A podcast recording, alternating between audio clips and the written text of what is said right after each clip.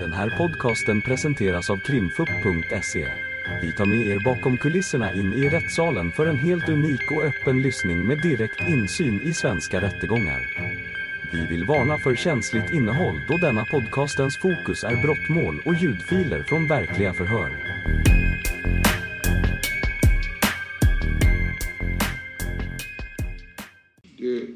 Vittnesförhör med Daniel Lindqvist och det är åklagaren som inleder förhöret. Varsågod. Ja, tack. Ja, vad arbetar du som? Jag är polis Hur länge har du jobbat som polis? i åtta år. Eh, Vid den här tidpunkten som den här händelsen gäller, det vill säga början av januari 2023, vart arbetade du då? I Örebro. Ja. Vad arbetade du som då, eller med? Eh, Vi jobbar i yttre tjänst, eh, områdespolis eh, och vi förstärkte IGV-resurser den aktuella dagen. Uniformerat. Eh, Då skulle jag vilja att du berättar om, om ja, den här dagen, och, eller förmiddagen. Vad du såg och iakttog och gjorde. Ja, vi stöttade kollegorna. Vi skulle verkställa en reell och personell husrannsakan. Jag kommer inte ihåg exakt adressen nu, men uppe i Adolfsberg. Eh, när vi är vid det här huset och ska kliva in i bostaden så är det jag tillsammans med Anna Malers och några till kollegor. Då när vi är där så kommer den misstänkta gärningsmannen William och öppnar dörren, vad jag kommer ihåg. Men han försöker lika snabbt stänga dörren när han ser att det är poliser som är utanför hans bostad. Min kollega Anna Malers hon tar och eh, sliter tag i dörren och öppnar den och vi går in eller följer in efter i bostaden och eh, frihetsberöva William. Han har i det läget på sig bara kalsonger vad jag vill minnas.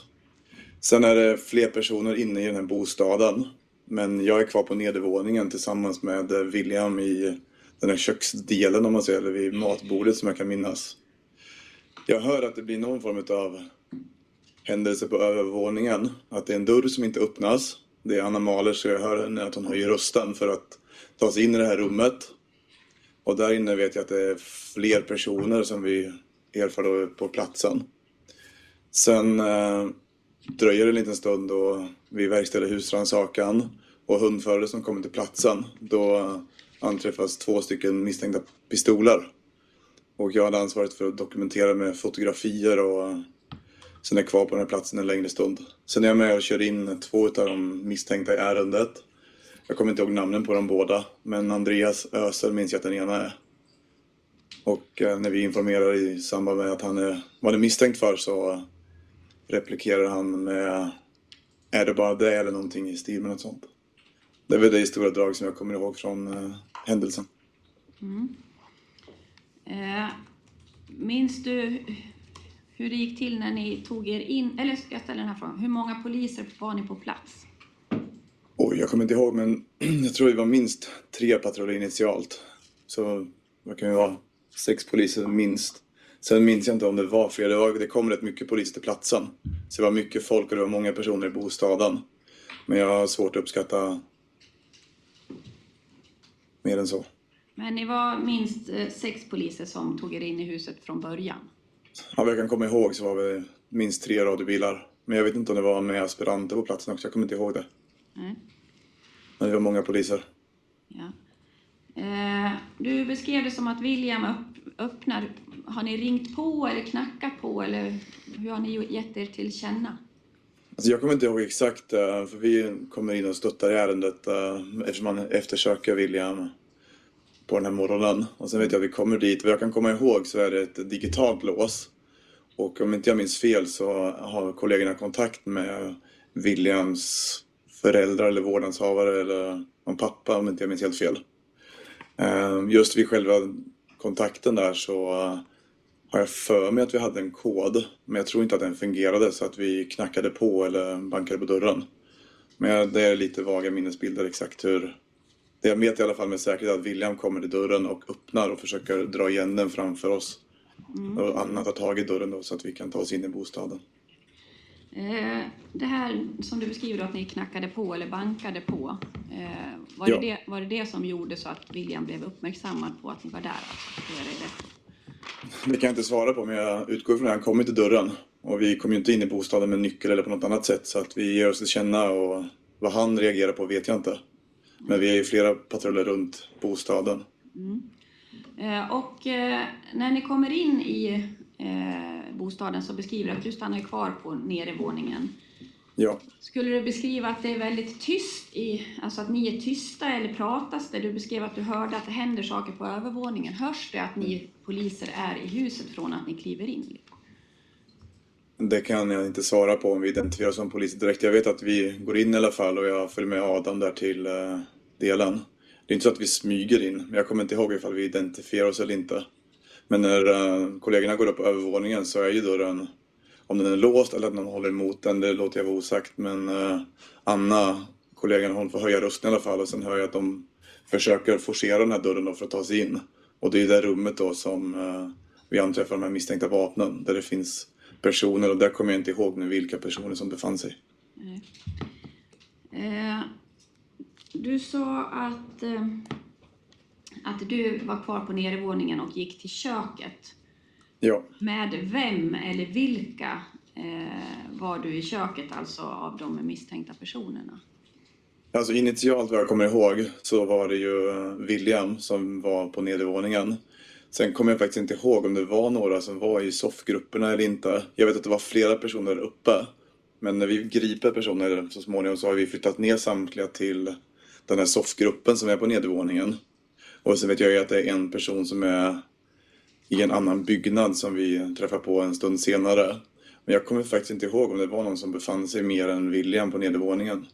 Men jag vet att William och vi satt där nere själva en stund i alla fall. Eh, var det någonting du reagerade på i det här huset som tydde på att man höll på med någon form av brottslig verksamhet? Om jag uttrycker mig slarvigt, brott så kanske jag ska säga, inte verksamhet. Det jag minns var att det var väldigt tillrört. Det var mycket jackor inne i bostaden. Sen eh, har jag för mig att vi anträffade misstänkt narkotika på köksbordet. Vid det bordet som vi befann oss. Eh, men det märks att det var flera personer i den här bostaden eftersom det var mycket ytterkläder. Och jag vet att vi fotograferar och identifierar jackor då som vi tar i beslag. Tillhörande olika personer i den här bostaden. Eh, Det är väl det jag minns i alla fall, men ganska rörigt. Det är en fin bostad i övrigt. Hade inte förväntat mig att det skulle vara så stökigt som det var där inne som det var när vi kom in. Eh, ansvarade du för, jag, jag minns inte hur du uttryckte det, men vad, vad gjorde du? Du sa att du var kvar på platsen ganska länge. Ja, men vi jag fotograferar ju i bostaden och eh, dokumenterar innan vi påbörjar husrannsakan. Sen är det ju tekniker som kommer till platsen och säkrar själva vapnen som ligger på övervåningen. Men jag tog översiktsbilder i bostaden. Okej. Så när du fotograferar, eh, Ja. då är ingenting rört, förstår du? Inte från början. Så n- de första bilderna jag tar, då har vi inte påverkat någonting i bostaden utan vi har ju säkrat personerna. Sen dokumenterar med översiktsbilder och sen påbörjas husrannsakan. Sen har jag för mig att vi dokumenterar fotografierna på jackorna och de här beslagen som görs. Men jag kommer inte ihåg exakt nu vad alla bilder jag tog. För tekniker är på platsen och sen har säkerligen kollegor också fotograferat. Nej, man tittar, det finns ju fotografier och under, eh, och det är taget utav två olika personer. Dels är det tag, foton tagna av dig Ja, och sen är det foton tagna av någon som heter Jimmy Norlén. ja, Och de fotona som du har tagit, då kan man se eh, att det ligger en stor kudde i en korgfåtölj som står inne i det här sovrummet till vänster på övervåningen. ja. Där inne vi anträffade vapnen. Ja, precis. Har du en Ja. minnesbild att det var så det såg ut då? Eh, Men när jag fotograferade det här rummet snabbt och då går jag in och fotar och det ska ju finnas i bildbilagan och då var det orört där inne. Ja, helt orört. Sen eh, vet inte jag i nästa skede då när hundföraren har gått in och sökt, när hunden har gjort en markering, så har jag väl i så fall gått in och tagit ytterligare bilder om inte jag minns fel. Jag minns inte om det är jag eller någon annan som gjorde det. Och där har vi bilder på fotografierna på de här misstänkta vapnen. Men i det första läget så har jag inte, vi har inte manuellt sökt det rummet utan då fotograferar jag bilderna som det såg ut innan vi har påbörjat husrannsakan. Har du någon minnesbild av att du har sett eh, någon form av arbetshandskar på något ställe i huset? Jag kan inte komma ihåg det.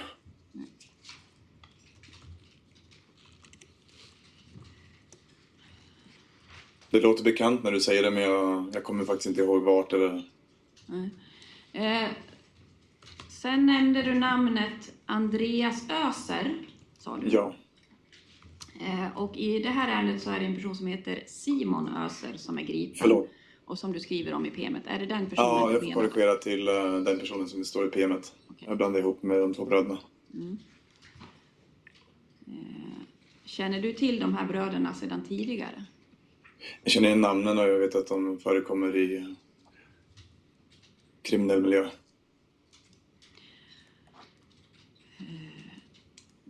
Ja tack, då har jag inga fler frågor.